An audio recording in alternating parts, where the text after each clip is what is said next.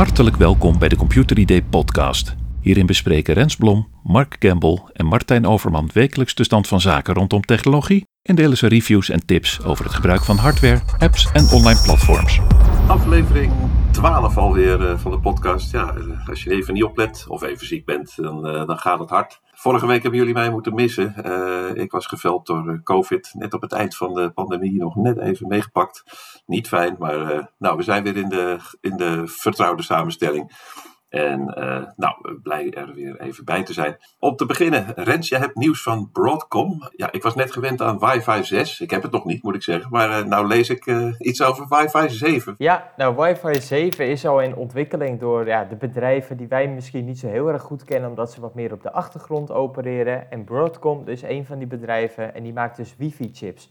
En zij zijn nu bezig met de wifi 7-chips, dus de opvolgers van wifi 6. En ze hebben nu vijf van die wifi 7 chips aangekondigd. En Broadcom die zegt dat eh, die nieuwe chips tweemaal de snelheid kunnen halen van wifi 6 en wifi 6e. Met de E van Evolution. En nou, wifi 7 gaat dus die bandbreedte verdubbelen eigenlijk door gebruik te maken van andere kanalen. En nou ja, dat duurt nog wel even voordat je daar echt in de praktijk gaan, uh, gaat profiteren. Het is vooral eigenlijk om te laten zien dat de industrie ook aan zulke nieuwe chips werkt. En dat jij dus over een paar jaar waarschijnlijk gaat profiteren van echt die snelheidsverbeteringen. Als zulke chips ook in jouw nieuwe telefoon komen, in jouw nieuwe laptop komen, in je nieuwe router komen uiteraard. Dus dat is wel een hele interessante ontwikkeling. Zeker, ja. Het voordeel is wel dat als je weet wat eraan komt, eh, kun je erop verheugen. Het nadeel is natuurlijk van, hè, schiet eens op, ik wil het nu gewoon ook meteen. Ja. Hoe lang duurt zoiets? Um, dat hebben ze nu nog niet helemaal gezegd, maar wifi 6e is echt net bezig. Er zijn nu echt een handvol telefoons die dat pas ondersteunen. En een paar routers, dus dat gaat echt nog even duren. Met deze wifi 7 chips van Broadcom, Broadcom zegt er zelf over van... We produceren ze nog niet echt op grote schaal, maar fabrikanten kunnen een sample aanvragen om dat eigenlijk weer intern te testen met hun apparatuur. Ja, nou dan is het echt gebeurd met, uh, met de bedraden uh, netwerken, denk ik onderhand. Met dat soort snelheden heb je dat niet meer nodig. Interessant, nee. leuk dat het eraan komt. Nou, Mark, uh, jij bent beter in het zoeken van Windows, of uh, in Windows geworden? Uh, ja, er is een artikel inderdaad over het beter zoeken in Windows. Dat is wel heel handig, want toevallig was ik gisteren met een collega ook aan het zoeken op ons lokale netwerk.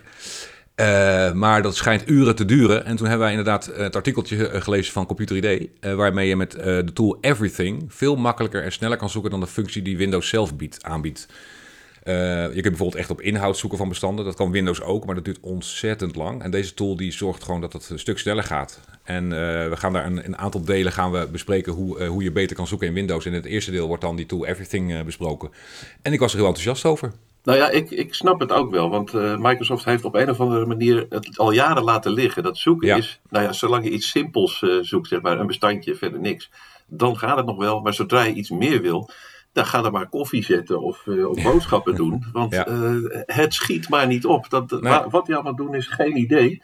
Windows kan niet goed zoeken in, uh, in de inhoud van bestanden, heeft Windows echt moeite mee. In een bestandsnaam is het zo gefixt, maar zoek jij een, een, een, auteur of een, weet ik veel, een onderwerp, nou ja, dan, dan staat het ding gewoon een uren te draaien en er komt gewoon niks tevoorschijn. Dat is, dat is in 30 jaar gewoon niet verbeterd. Maar goed, leuk dat er tools zijn die dat dan verbeteren. En nou ja, Everything heb ik inderdaad ook wel eens mee getest. En dan denk je echt, hoe kan dat ook? Ja, dan staat er gewoon. Rens, wat, uh, wat had jij? Uh... Ja, ik vraag me dan direct natuurlijk af. Als eh, zo'n tool Everything dat beter kan dan Microsoft, dan vraag ik mij dus af, hoe kan dat? En ten tweede, waarom neemt Microsoft zo'n bedrijf bijvoorbeeld niet over? Ja, ja kun je ook afvragen bij de verkenner. Hè? Daar hadden we het laatst over in een van de eerdere afleveringen. Van waarom heeft het zo lang geduurd voordat de verkenner gewoon met tabbladen werkt? Ja. Hè, dat is, dat is bij, bij browsers al meer dan tien jaar de norm. Nou, iedereen snapt inmiddels het voordeel, maar uh, ja, één bedrijf uh, houdt koppig vol dat één venster prima is om zowel je bestanden als je mappen in, uh, in weer te geven. Ja. Terwijl het toch... Ja, Mark, zie jij dat, Mark, zie jij dat gebeuren? Dat Microsoft zo'n Everything bijvoorbeeld overneemt om dat in Windows te integreren? Ik zie wel, wel zoiets, ja, dat zou helemaal niet verbazend zijn als, die dat, als ze dat zouden doen. Ik merk wel dat Windows echt, ja, hij is traag in, in het zoeken op lokaal, maar op het netwerk is het helemaal traag. En het schijnt dat dat ook te maken heeft met als je wel of geen Windows Server gebruikt. Dus als je een Windows Server gebruikt, kun je op die Windows Server bijvoorbeeld een index laten aanleggen, waardoor Windows clients sneller kunnen zoeken. Maar ik denk dat Microsoft wel meer kan doen, meer kan doen om het uh, lokale eh, zoek, eh, de zoekmogelijkheden lokaal op je eigen computer te verbeteren. En dan zou zo'n Everything tool, ja, om dat over te nemen, zou een goede zet zijn, denk ik. Ja, want mijn laatste vraag erover, vanuit uh, Windows consumentenperspectief, is die, die Windows Everything tool is die gratis te gebruiken of betaal je daarvoor? Nee, hij is helemaal gratis. Dus dat is het grootste voordeel. Je hoeft er niet voor te betalen. En ja, hij, hij kan echt van alles en razendsnel. Nou, klinkt dus, goed. ik zou zeggen zoeken, ja. Ja, ik, ik, ga hem eens, ga hem eens downloaden. Zoek naar dat tool. Ja, dit is hartstikke leuk. Uh, probeer er uit, zou ik zeggen. Ja, ja. Nou, terwijl uh, Microsoft uh, een bedrijf niet overneemt, heeft Sonos wel iets overgenomen. en voor 100 miljoen ook gewoon. Ja, zo hé. Ja, nou dat gebeurt toch niet zo heel erg vaak meer. Dat een Nederlandse start-up wordt overgenomen door een heel groot Amerikaans bedrijf voor ook echt een significant bedrag. En dat is dus deze week gebeurd. Sonos, bekend van de slimme speakers, heeft een start-up uit Delft overgenomen. En die start-up heet Mate. M-A Griekse I-H-T. En Mate is dus een, een, een, ja, jong Nederlands bedrijf, opgericht door twee broers, die een, ja, um, hoe zeg je dat in de makkelijke taal? Uh, ze hebben een tool ontwikkeld, een, een transducer technologie, die het doel heeft om luidsprekers kleiner te maken zonder dat het geluid achteruit gaat. De geluidskwaliteit. En dat is natuurlijk heel moeilijk, want iedereen die wil dat wel. En nou, dit bedrijf uh, heeft dus eigenlijk een manier ontwikkeld om zo'n omzetter dus echt nou, meerdere malen kleiner te maken, terwijl het geluid even krachtig en even zuiver moet blijven klinken. Waarbij het voordeel daarvan is, volgens het bedrijf zelf, maar ook volgens de, ja, andere partijen uit de markt, dat de speaker zelf kleiner kan worden. En dat is Hmm. natuurlijk met name interessant voor, ik noem maar wat, hè, een, een Bluetooth speaker die je meeneemt buiten de deur. Of een soundbar die je voor je televisie zet. Dan hebben we het er niet over dat het misschien een paar centimeter kleiner kan worden. Maar het belangrijkste onderdeel uit die speaker, wat dus veel ruimte inneemt, wordt significant kleiner. Ja, interessant. Ja, Dat is natuurlijk nou ja, de heilige graal hè, van eh, een, een, een zo klein mogelijke speaker met zoveel mogelijk bas. precies. Ja. En Ja. Ja, is Kijk, het fysiek zich- wel op- mogelijk? hè? Ja, op zich kun je natuurlijk ook zeggen, hè, nou, een start-up uit Delft en eh, die beweert dat ze dat kunnen. En nou, dat, dat klinkt misschien eh, wat sceptisch, want waarom zouden hele grote audiobedrijven dan niet dit al ontwikkeld hebben? Maar het Ja. feit dat Sonos nu 100 miljoen dollar, eh, omgerekend 92 miljoen euro voor dit bedrijf betaalt, dat geeft wel aan dat natuurlijk die audio-experts van Sonos hier echt wel iets in zien. Ja, Dus ik ben heel erg benieuwd. Sonos zelf die zegt dat ze de patenten en de technologie en de medewerkers van Mate willen gebruiken om een toekomstige Sonos-producten beter te maken. Ja, ik vraag me af, ik denk niet dat we dat volgend jaar echt al gaan merken, dat het daar toch echt wel te vroeg voor is. Maar ja, binnen een paar jaar lijkt het mij wel dat je toch wel hier effecten van gaat zien. ja. interessante ontwikkeling hoor. Of, of gaat horen. Ja, Ja, of juist niet, want eigenlijk Ja, de ja. audio-kwaliteit hetzelfde blijven. ja, Ja, precies. Alleen aan de speaker die eh, een tiende zo klein is. Nou, we wachten het af. Ik ben benieuwd. ja. Mark, wat was jouw vraag van de week? De vraag van de week. Ik kreeg toevallig, ja, eigenlijk zijn het meerdere vragen van de week, want we hebben er een aantal over gehad. Veel mensen lopen tegen het feit aan dat Google Gmail niet meer werkt op eh, bepaalde mailclients. Ehm, Google heeft de manier van inloggen veranderd, waardoor je voorheen kun je gewoon met je gebruikersnaam en wachtwoord inloggen bij een, eh, op je mailserver om daar een, de configuratie op je client eh, mee te doen. Alleen Google wil nu dat mensen op een andere manier gaan inloggen. En dat heeft, betekent, betekent dus dat oudere mailprogramma's, zoals zelfs Outlook 2016, eh, niet meer werken met Gmail. Mensen moeten dus eh, upgraden naar Office 2019. Eh, waardoor ze dus eh, dat, dat login, die nieuwe login-procedure kunnen gebruikken. De- die procedure die is niet compatible met oude eh mailclients. Ze willen niet meer dat je gewoon met gebruikersnaam wachtwoord inlogt, maar dat je via de Google Authenticatie eh mailserver, als het ware, die er dan tussen komt te zitten en dan op die manier inlogt. Dus oudere programma's die, die werken dus niet meer. En daar, krijg ik, daar heb ik best wel veel vragen over gekregen, want Google gaat het al vanaf 22 mei aanstaande blokkeren, die oude mailclients. Oké, dus ze doen het nu nog wel, maar Ja. half? Of krijg je Nou een ja? Je krijgt een waarschuwing. Je krijgt een, eh, een, een, een waarschuwing in de errorlogs van je mailserver, waarin, of van je mailprogramma, waarin staat van eh, de authenticatie is gelukt, maar... En dan staat er een waarschuwing van Google, let op, vanaf 22 mei eh, moet je anders inloggen. Dus dan moet je je clients upgraden. Oké, maar ja, is, is het zo dat moderne clients allemaal hiermee overweg kunnen? Of gaan er echt mensen in problemen komen terwijl ze toch de nieuwste software gebruiken? Nee, je moet wel even goed uitkijken. Bijvoorbeeld Thunderbird ondersteunt het natuurlijk wel gewoon. En Outlook en eh, alle bekendere, zeg maar, eh, wel, mailclients. Maar als je bijvoorbeeld een, een, redelijk onbekende... Want we hadden vorige keek, iemand die had eh, het programma OE Classic gebruikt als mailclient. Nou, ik heb er nog nooit van gehoord. Ik ook niet. Dat is, dat, nee, dat is een freeware-programma wat ooit jaren geleden is ontwikkeld... en waarvan, de, waarvan er niks meer aan gebeurt. Dus die, dat soort programma's die wer- werken absoluut niet meer. Maar de, de mainstream mailclients zoals Thunderbird, Outlook... Windows Mail, dat soort dingen, die werken allemaal wel gewoon. Ja, leuk om in de gaten te houden, want die gaan Ja. veel mensen mee eh, te maken krijgen binnenkort. Ja, het is over een maandje al, hè? dus dan, eh, dan, is, dan blokkeert Google ze echt letterlijk en dan kun je Wordt dus niks meer. ongetwijfeld spoedig vervolgd. Ja, Rens, jij hebt eh, smartphones tussen de 250 en de 500 euro getest. Nou, zijn er leuke conclusies te trekken? Heb je er Ja, al een voor me gevonden? nou voor jou, ja, jij bent een eh, verstokte iPhone gebruiker, toch? Die hele kleine iPhone, die SE. Ja, ja. Ja, nou ja, dan moet je teleurstellen, want in deze test hebben we geen iPhone meegenomen. En verdorie. nou, dat komt simpelweg omdat we dus inderdaad toestellen tussen de 250 en 500 euro getest hebben. En ja, de goedkoopste iPhone is duurder dan 500 euro. Dus Ja, ja, 530 of zo, hè? ja 539. Dus ja, dat, die, Ja, ja. eh, die valt wel af. Die nemen we wel mee in een andere test, maar daarover een andere keer meer. Want Ja. inderdaad, de afgelopen weken kregen we best wel veel verzoeken van podcastluisteraars van joh, kunnen jullie wat meer aandacht schenken aan goedkopere telefoons? Want daar is bl- blijkbaar veel interesse in. Dat zie je ook terug in de verkoopcijfers in Nederland. Dus wij hebben zeven toestellen getest eh, in het betaalbare segment van hè, de bekende merken zoals Samsung en Xiaomi. ehm, en ook Motorola bijvoorbeeld. En ook weer van wat minder bekende merken als Realme en Poco en Oppo. En daar eh, ja, kun je best wel wat interessante conclusies aan verbinden.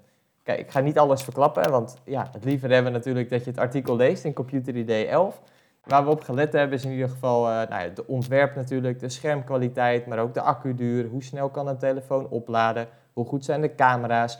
Eh, wat voor software staat erop geïnstalleerd? Is dat de nieuwste versie? Zitten daar veel eh, reclame-apps tussen en kun je die dan verwijderen? Maar natuurlijk ook, hoe lang krijgt een telefoon updates? Dus hoe lang kun je de telefoon ook veilig en comfortabel gebruiken? Nou, daar kun je best wel wat conclusies aan verbinden. Dat bijvoorbeeld Samsung, die geeft echt het langste updates. Nou, een hele goede zaak. Je ziet ook dat met name de Chinese merken zoals een Xiaomi of een Poco, die zetten heel erg in op goede specificaties voor weinig geld. Kan ook voor een bepaalde doelgroep wel weer heel fijn zijn. Bijvoorbeeld het toestel is echt heel erg snel. Heeft eh, wel 128 gigabyte opslagruimte voor weinig geld. Goede Veel zaak. voor weinig klinkt sowieso eh, niet verkeerd natuurlijk. Nee, maar dan moet je er dus wel weer rekening mee houden dat zo'n telefoon van Xiaomi of van Poco reclame-apps heeft. Of af en toe ook een advertentie in de instellingen kan laten zien. Oh, ja. oh ja. dus ja, je, je levert Ja. natuurlijk altijd iets in. Ja. Dus ik denk dat het wel de moeite waard is eh, voor wie een eh, goedkopere telefoon wil om op zo'n test te lezen. Om te kijken welk van die toestellen of in ieder geval welk van de merken ook het beste bij jouw wensen past. Ja. Zit er in dit segment eh, ook echt innovatie? Of moet je daarvoor echt bij de allerduurste modellen zijn? Nee, dat is zeker wel innovatie. En dan heb ik het met name over het feit dat eh, specificaties van voorheen duurdere telefoons nu ook in dat lagere prijssegment doordruppelen. Dus ehm, bijvoorbeeld een 65 watt oplader die een grote accu in een half uur oplaadt. Nou, dat was in het begin echt voorbehouden aan een hele luxe telefoon. Echt een verkoopargument. Maar nu Ja. hebben we gewoon meerdere telefoons onder de 500 euro getest. Die met zo'n 65 watt oplader in het doosje geleverd worden. Een paar jaar geleden was dat eigenlijk echt eh, ondenkbaar. Net als het feit dat, eh, ik noem maar wat, de, de OnePlus Nord CE2 die we getest hebben, 359 euro. Die heeft 8 gigabyte werkgeheugen. Ja, dat is evenveel als in een eh, eenvoudigere Windows laptop die wel dubbele Ja. kost. Ja. Dus in, Interessant, je hoor. ziet zeker Ja. wel eh, innovatie erin. Je moet eigenlijk dus gewoon een paar jaar wachten elke keer. Want Nou- dan komt het voor de goedkopere eh, telefoons. Ja, en dat, Ja, is dat is het- mijn tactiek. Dat is het, Ja. eh, het grappige, dat een paar jaar geleden was het moeilijker om een paar jaar met zo'n goedkopere telefoon te doen. Omdat de software minder lang updates kreeg, omdat de specificaties eenvoudiger waren. Zo'n telefoon was simpelweg sneller aan vervanging toe. Ja. Maar nu, omdat nu ze gewoon langer updates krijgen, bij vier, vijf jaar. En het feit dat ze gewoon betere specificaties hebben, kan inderdaad betekenen dat je er echt gewoon probleemloos langer mee kan doen. Ja, maar ik vind het ook heel belangrijk, fijn om te horen dat die eh, eh, telefoonfabrikanten het zo belangrijk vinden dat die updates eh, blijven komen. Dat is inderdaad voorheen altijd zoiets van, oh ja, hij wordt maximaal twee jaar ondersteund. Maar ze doen er dus echt heel veel aan om die telefoon zo lang mogelijk eh, van de nieuwste software te voorzien en dat soort dingen, en beveiligingspatches. Wat mij betreft een van de belangrijkste specificaties. Ja, absoluut, absoluut. Ja. Ja. Absoluut. Nou, zo'n test geeft wel aan dat er wel verschil in zit. Het ene merk die biedt wel echt langer dus updates dan de ander. Zoals ik zei, Samsung eh, doet het het langst. Maar Mhm. inderdaad, eh, een goedkoper merk, of in ieder geval een telefoon eh, die goedkoper is van een merk, ja, zie je dat hij misschien minder lang updates krijgt. Of dat hij wel even lang updates krijgt, terwijl je advertenties erbij krijgt. Dus dan hangt Ja, het toch echt wel van je voorkeur af. Ben je bereid om eenmalig 50 euro meer te betalen? En dat je geen advertenties ziet of misschien wel een jaar langer updates krijgt. Genoeg Ja. te lezen. Ik ga hem lezen, Rens. In hetzelfde nummer, dus ook Computer ID 11, een artikel over het digitaliseren van vinyl. Oh. Vinyl maakt een, een, ongekende revival mee, zeg maar. Het is helemaal terug van weg geweest. In de jaren negentig en de, de zero's kon je er echt niet aankomen. Want ja, wie wilde er nog platen hebben? Maar nou ja, dat is weer helemaal, helemaal terug van weg geweest. Uh, en uh, ja, afgezien daarvan hebben mensen natuurlijk ook een oude uh, LP's waarschijnlijk nog liggen. Ja. Dus zeker onder de lezers van Computer ID zullen er toch heel veel zijn die, die nog wat vinyl hebben liggen. Nou, de vraag waarom je dat zou willen digitaliseren is eenvoudig. je zou kunnen beweren van ja, alles staat op Spotify, dus waarom zou je nog? Maar dat is dus niet altijd zo. Heel veel nee. live albums vooral, die, die staan niet op Spotify. Uh, of artiesten kiezen er bewust voor om daar niet op te staan, uh, of, of gedeeltelijk, dus niet al het materiaal. En als je al een, een artiest hebt, dan kan het van de een op de andere dag ook zo zijn dat hij er niet meer staat. Neil Young bijvoorbeeld is onlangs vrij plotseling gewoon volledig uit de catalogus verdwenen. Dus als je fan bent van die man, ja, dan, dan zit je zo heb je nog je playlist en zo uh, kan je niks meer. Ja. Uh, nou ja, redenen genoeg om uh, aandacht te besteden aan het digitaliseren. Nou, in dit artikel tips voor het in zo hoog mogelijke kwaliteit digitaliseren. Dus begin met schoonmaken. Nou, de instellingen van je audio. Welke software gebruik je? hoe verwijs je, verwijder je ruis en tikjes? dus ja, dan kun je eigenlijk een, een, een, fantastische kwaliteit bereiken. En als het eenmaal digitaal is, ja, dan gebeurt er verder niks meer mee. Dus dan, ja, dan heb je het echt vereeuwigd, zeg maar. Ja. Dus uh, een, een, heel interessant uh, artikel in uh, Computer Day nummer 11. Ja. Zeker weten. En ook daar ga ik mij gretig op storten. Ik ook, ja. Ja. Rens, jij hebt een tablet getest. Galaxy Tab. Wat, wat heb je daarover te melden allemaal? Nou, allereerst en voornamelijk dat hij heel erg duur is voor een tablet. het, ja, de Samsung Galaxy Tab S8 Ultra. Nou ja, de naam verraadt het al een beetje met Ultra. Hij is ook ultra duur. De prijs begint bij 1149 euro.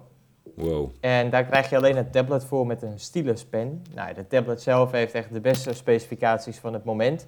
Samsung heeft gewoon echt de beste onderdelen erin gestopt. Wat je gezien de prijs natuurlijk ook mag verwachten. Een heel erg mooi scherm, ook een heel erg groot scherm. 14,6 inch, eigenlijk groter dan een uh, nou, kleinere laptop. Uh, de accu gaat lang mee, laat snel op. De Android 12 software die is heel fijn. Maar wat je merkt is dat dit apparaat, naar mijn gevoel, een beetje twijfelt wat het nou wil zijn. Hè? Wil het nou een uit de kluiten gewassen tablet zijn die je met twee handen bedient? Of wil je het eigenlijk als een laptopvervanger gebruiken? Dat kan, omdat hij natuurlijk goede specificaties en een groot scherm heeft. Maar dan mis je weer een, een toetsenbordhoes. Die kan je erbij kopen, maar die kost, en schrik niet, nog eens 350 euro. Wow. dus ja, dat is een beetje gek, want dan kom je eigenlijk bij een apparaat uit, hè, 1150 euro met 350 euro bij dat totaalbedrag kan je net zo goed een hele goede laptop kopen. En dan merk je toch als je het gaat vergelijken, die Android software met een MacBook of met een Windows laptop die even duur is, dat je op zo'n echte laptop gewoon veel productiever kan werken dan op een Android tablet. En dan, dat is niet per se de schuld van Samsung. Maar ja, het, ik, ik, ik, weet niet zo goed wie ik dit apparaat nou kan aanraden. Want het is zo'n duur apparaat. Je gaat er niet alleen even een filmpje op kijken of zo. Nee, nee. Ja, ik zag, vraag me dan af, wat, hoe, hoe brengt Samsung hem dan in de markt? Ze hebben ze dan bij een persbericht gezegd van deze is ideaal voor uh, ontwerpers, voor vormgevers, voor uh, architecten of voor kantoor. Nou, je ziet wel op de campagne-website, zeg maar, nee, de social media kanalen van Samsung, dat ze het wel als een apparaat voor creatievelingen echt uh, ja, positioneren. Ja. Ook in combinatie met die losverkrijgbare toetsenbordhoes. Eh, dat het echt wel een soort laptopvervanger kan zijn, maar ook vanwege dat mooie OLED-scherm echt voor entertainment gebruiken en ook voor mooie films, games.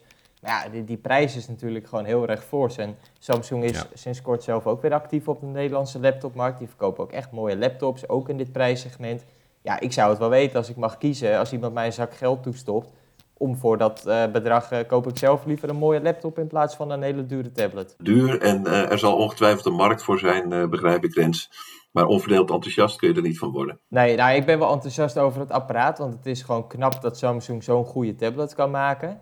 Maar vanwege de prijs vraag ik mij af hoeveel ze er nou echt van gaan verkopen in Nederland. Waarbij je natuurlijk ook kan afvragen, ja, gaat het Samsung echt om de hoogste verkoopcijfers bij dit apparaat of meer om te laten zien wat ze kunnen? Dat kan ik me ook nog voorstellen. Ja. Een soort showcase, ja. Zeker. Misschien wel. Oké. Nou, hartstikke mooi. En uh, uh, dat brengt ons alweer bij uh, het eind van de aflevering 12 van deze podcast. In de volgende aflevering gaan, gaan, we het hebben over ethisch hacken. De eerste keer dat we daar in blad aandacht aan besteden, kregen we daar wel wat kritiek op. Want hacken, dat is toch ja, is misdaad. En waarom zou je er aandacht aan besteden? En zeker, waarom zou je die tools aanreiken? Het idee is, als je die tools en methoden van criminelen kent, dat je je daartegen ook beter kunt wapenen. Want dan weet je dus welke methodes gebruiken. Dan weet je ook, hé, uh, hey, dit lijkt op uh, en, en zo wapen ik me er tegen. Dus uh, daar aandacht aan in de volgende aflevering. In die aflevering zal Mark ontbreken, want jij gaat genieten van een welverdiende vakantie. En ja. dan zal Joris jou vervangen. Nou, die hebben we uit de vorige aflevering, kunnen we die nog kennen. Dus dat wordt vast heel gezellig. Ja. Luisteraars, bedankt voor het luisteren. Mark en Rens, bedankt voor jullie deelname. Graag gedaan. Dankjewel ook. Graag tot de volgende aflevering.